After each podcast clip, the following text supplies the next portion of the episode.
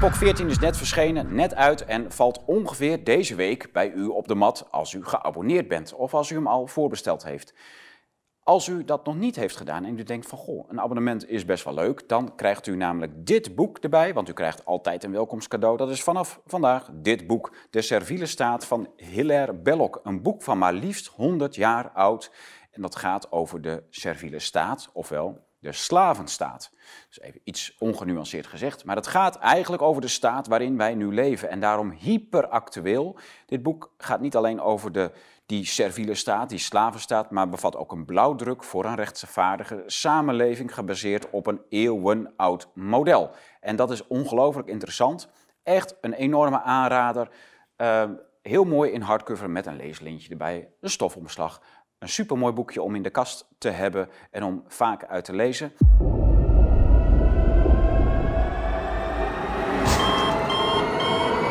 Van harte welkom bij Blue Tiger Studio. U kijkt naar een serie van een aantal mini-colleges van Peter Borger, de celbioloog ja, uit Nederland, woonachtig in Zuid-Duitsland.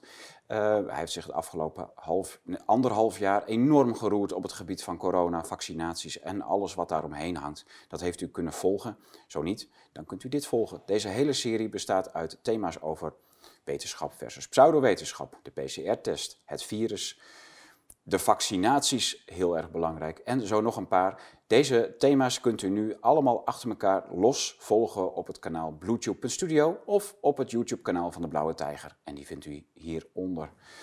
Veel plezier. Want we gaan het hebben over de vaccins. De vaccins, Peter. Ja. Wie heeft er nou niet van gehoord, de vaccins? Hè? De vaccins, ja. Nee, het is, uh, het is een, een, een, een, um, een belangrijk thema, denk ik. Want um, ja, vaccins, zijn vaccins goed, zijn ze slecht? Uh, iedereen heeft ook zijn eigen uh, meningen en je hoort van alles erover.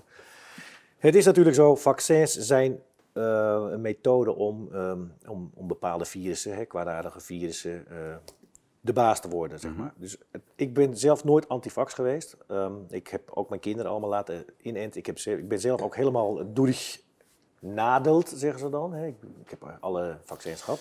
Ja. Het punt is, um, dat waren altijd de zogeheten eiwit, op eiwit gebaseerde vaccins. Ja. En uh, daar kan je natuurlijk ook het een of, een of, een en ander kun je daarop op afdingen. Hè. Zijn, zijn ze, hebben ze bijwerkingen? De, je hoort verhalen erover. Daar wil ik ook eigenlijk niet veel op ingaan. Ja, als er geen bijwerkingen Precies. zouden zijn, dan zouden die ook niet. Er zijn je kunt bijwerkingen melden. Dus de, ja. de, zowel de FDA als, als de, het RIVM, LAREP dan in Nederland. Precies. Maar elk land, eh, Duitsland ook, heeft een uh, instantie waar je bijwerkingen kunt ja, melden. De EMA dat, dat gebeurt in Europa, ook altijd. Dus, dus, ze zijn er wel. Ja, hè? ja. Het, het, gebeurt ook altijd. En kijk, dan hebben we het over die, de oude vaccins, zeg maar. Die waren altijd gebaseerd op of een dood virus of op een eiwit, zeg maar. Ja. Maar nu hebben we sinds een aantal jaren de technologie, de zogeheten uh, DNA- en RNA-vaccintechnologie. En dat is echt werkelijk een compleet ander mechanisme waarbij je, uh, waarbij je de immuniteit probeert uh, op te wekken in je eigen lichaam. Nou, Jij hebt verteld dat het een techniek is die geprobeerd, of dat stamt uit de jaren negentig. Dat ja. daar ongelooflijk veel onderzoeksgeld naartoe is gegaan. Ja. Dat heb ik jou, uh, dat hebben we een keer gewoon zo een beetje bij een bak koffie hebben we dat eh, een keer discussiëren. Het is natuurlijk zo, die DNA-vaccins die werden in de jaren 90 ontwikkeld uh, als gentherapie hè, voor tum om tumoren, uh, om daar genen in te brengen. Want heel veel tumoren... Die, maar die zijn ontwikkeld als, als gentherapie. gentherapie. Ja. ja. Dat is natuurlijk dat is, dat is, dat is bekend. Ja. Het is zo, um, een tumor die heeft heel vaak kapotte genen. En dan wil je die genen uitwisselen. En dat, dan neem je dus een gentherapie, heet dat. Dan ga je het kapotte gen uitwisselen met een goed werkend gen. En dat breng je dan naar binnen met een adenovirus. Dus een kleine onschadelijk virus, een beetje verkoudheidsachtig virus is dat. Doet niet veel kwaad. Okay. Alleen, het punt is, um, ze gebruiken dit adenovirus omdat uh, gen dan in die tumorcellen te krijgen. En dat moet dan integreren in je DNA, of het moet in ieder geval daar tot expressie komen in die, in die celkern. En dat is natuurlijk gewoon pure gentherapie.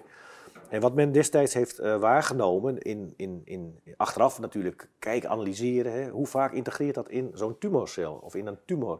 En een tumor heeft natuurlijk miljoenen van cellen. Ja. En het, het, het, het, was toen, uh, het, kwam toen naar voren dat als je dat gaat, gaat, gaat testen, dan is het ongeveer in 0,1 tot 1 procent van de cellen die werd dan ook daadwerkelijk door deze uh, gentherapie beïnvloed. Zeg maar. Dat kun je het gen op die manier inbrengen, in maximaal 1%.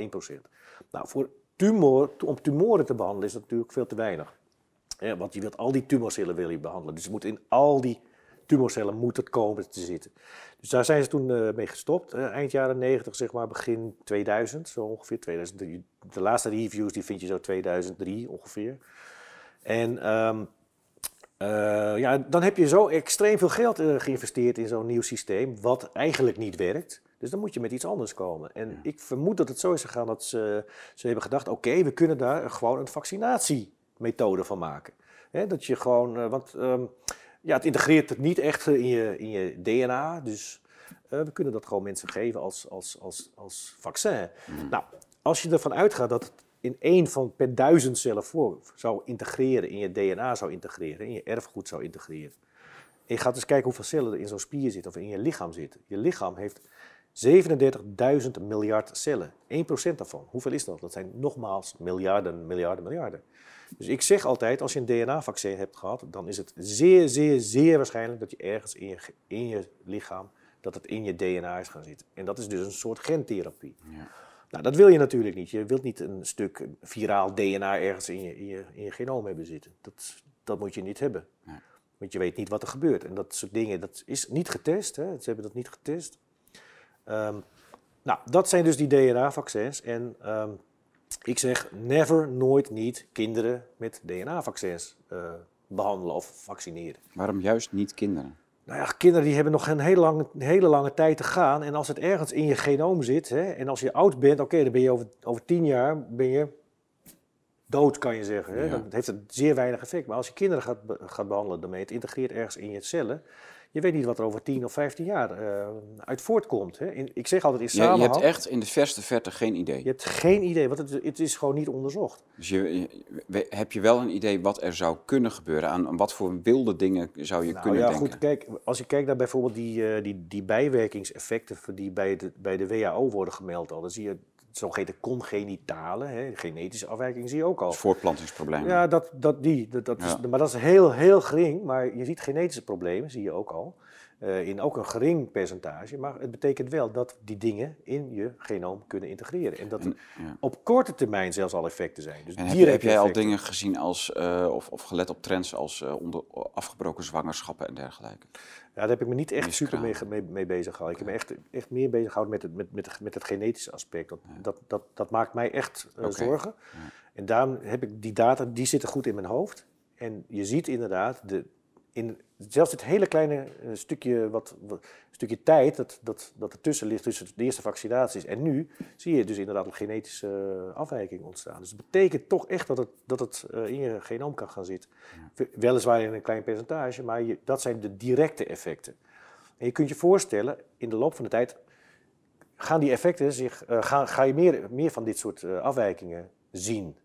En waarom is dat zo? Omdat het meestal zo is dat um, het zeer afhankelijk is van waar dit vaccin in je genoom integreert, wat voor effecten het heeft. Kijk, heel veel effecten die zijn niet direct.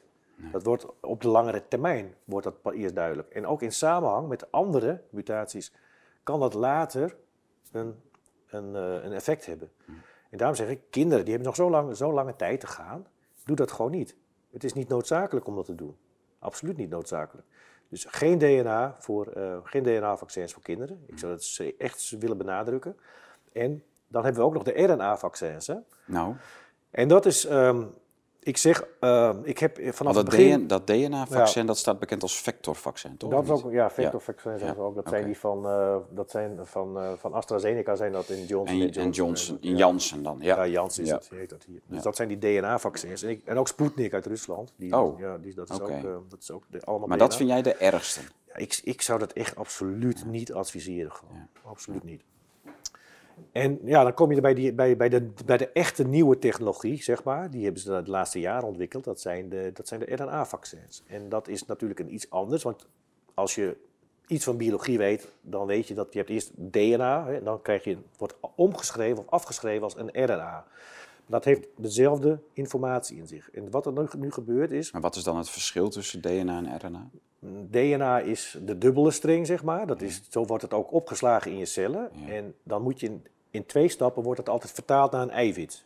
Dat zie je ook. En is dat het verschil tussen dat tweedimensionale en driedimensionale van het? Nee, het is het, je- hoe kunnen we ons dat voorstellen? Je kunt het voorstellen als zeg maar een, een monnik die een boek overschrijft. Hè? Je hebt je boek, dat is je DNA, Ja. en hij schrijft een bladzij over en dat Dus is je RNA. precies. Ja, en dat, dat RNA is een kopietje en dat is, heeft dezelfde informatie als het DNA. En Mhm. dat RNA wordt dan weer omgeschreven in een eiwit. En daar krijg je dan de immuunreactie tegen. Zo kan je je dat voorstellen. Nou goed, Dus zo is het uiteindelijk dat een DNA tot, ei, tot eiwits. Ja, dat eh, is, gaat altijd via een tussenstap. Via een ja. RNA. Ja, het moet, wordt één keer overgeschreven en dan nog een keer overgeschreven in een eiwit. En Ja. Die RNA, dat is die tussenstap, zeg maar. Dus het, wat, wat die monnik overschrijft, die ene pagina, dat wordt dan het eiwit. Nou, en het is nu zo dat een RNA, die, daarvan wordt gezegd, die wordt, kan niet terug worden gezet in je DNA. Onmogelijk. En, eh, waarom is dat zo? En dat was eh, vorig jaar toen ze daarmee begonnen, eh, werd eh, door heel veel mensen, ook van het OMT en bekende namen in, in, de, in, de, in de media werd gezegd, ja, dat is onmogelijk, want we hebben geen, we hebben, niet de enzymen die dat kunnen. En ik heb eh, Diederik Schommers heb ik dat horen zeggen. Ik heb eh, van Egmond, vrouw van, mevrouw professor van Egmond heb ik dat horen zeggen. We hebben deze enzymen niet. En toen dacht ik, nee, dat kan je zo niet zeggen. Want het, ons genoom, als je het genoom kent, en ik ben eigenlijk een genoombioloog kun je zeggen. Als je ons genoom een beetje kent, dan weet je dat er echt honderdduizenden van dit soort ehm, eiwitten, codes voor deze eiwitten, in ons genoom zitten. Dus je kunt niet Ze- zeggen, we hebben deze Het zit er dus eiwitten. wel. Het zit extreem vol met deze. Met deze. Maar waar, waar, op Enzymen. basis waarvan zeggen deze mensen dat? Ja, die, die weten dat niet. ik weten heb, dat ik gewoon heb, niet. dat, ge- ik heb gecommuniceerd en ik heb gezegd, weten jullie wel dat het genoom helemaal vol zit met deze transposonachtige elementen die ja. het RT aanmaken en enzymen. die, die enzymen aanmaken om, dat R, om een RNA Goh. en, het, en, de, en het, nou, het grappige zeg ik, nee, het- afgelopen juni werd dan nog eens een keer eh, gerapporteerd dat ze hadden een nieuwe RT-enzym eh, ontdekt in het menselijk genoom. Dus we hebben, zoals het er nu naar uitziet, we hebben vier verschillende van deze RT-enzymen. En daar, daarvan komen, ze ook, komen deze ook nog eens een keer per duizendvoudig voor. Honderdduizenden van deze enzymen. Dus je kunt niet zeggen, we hebben dit, we hebben dit systeem niet. Ik heb dit systeem heb ik zelf eh, bestudeerd. Dat heet het L1-systeem bijvoorbeeld.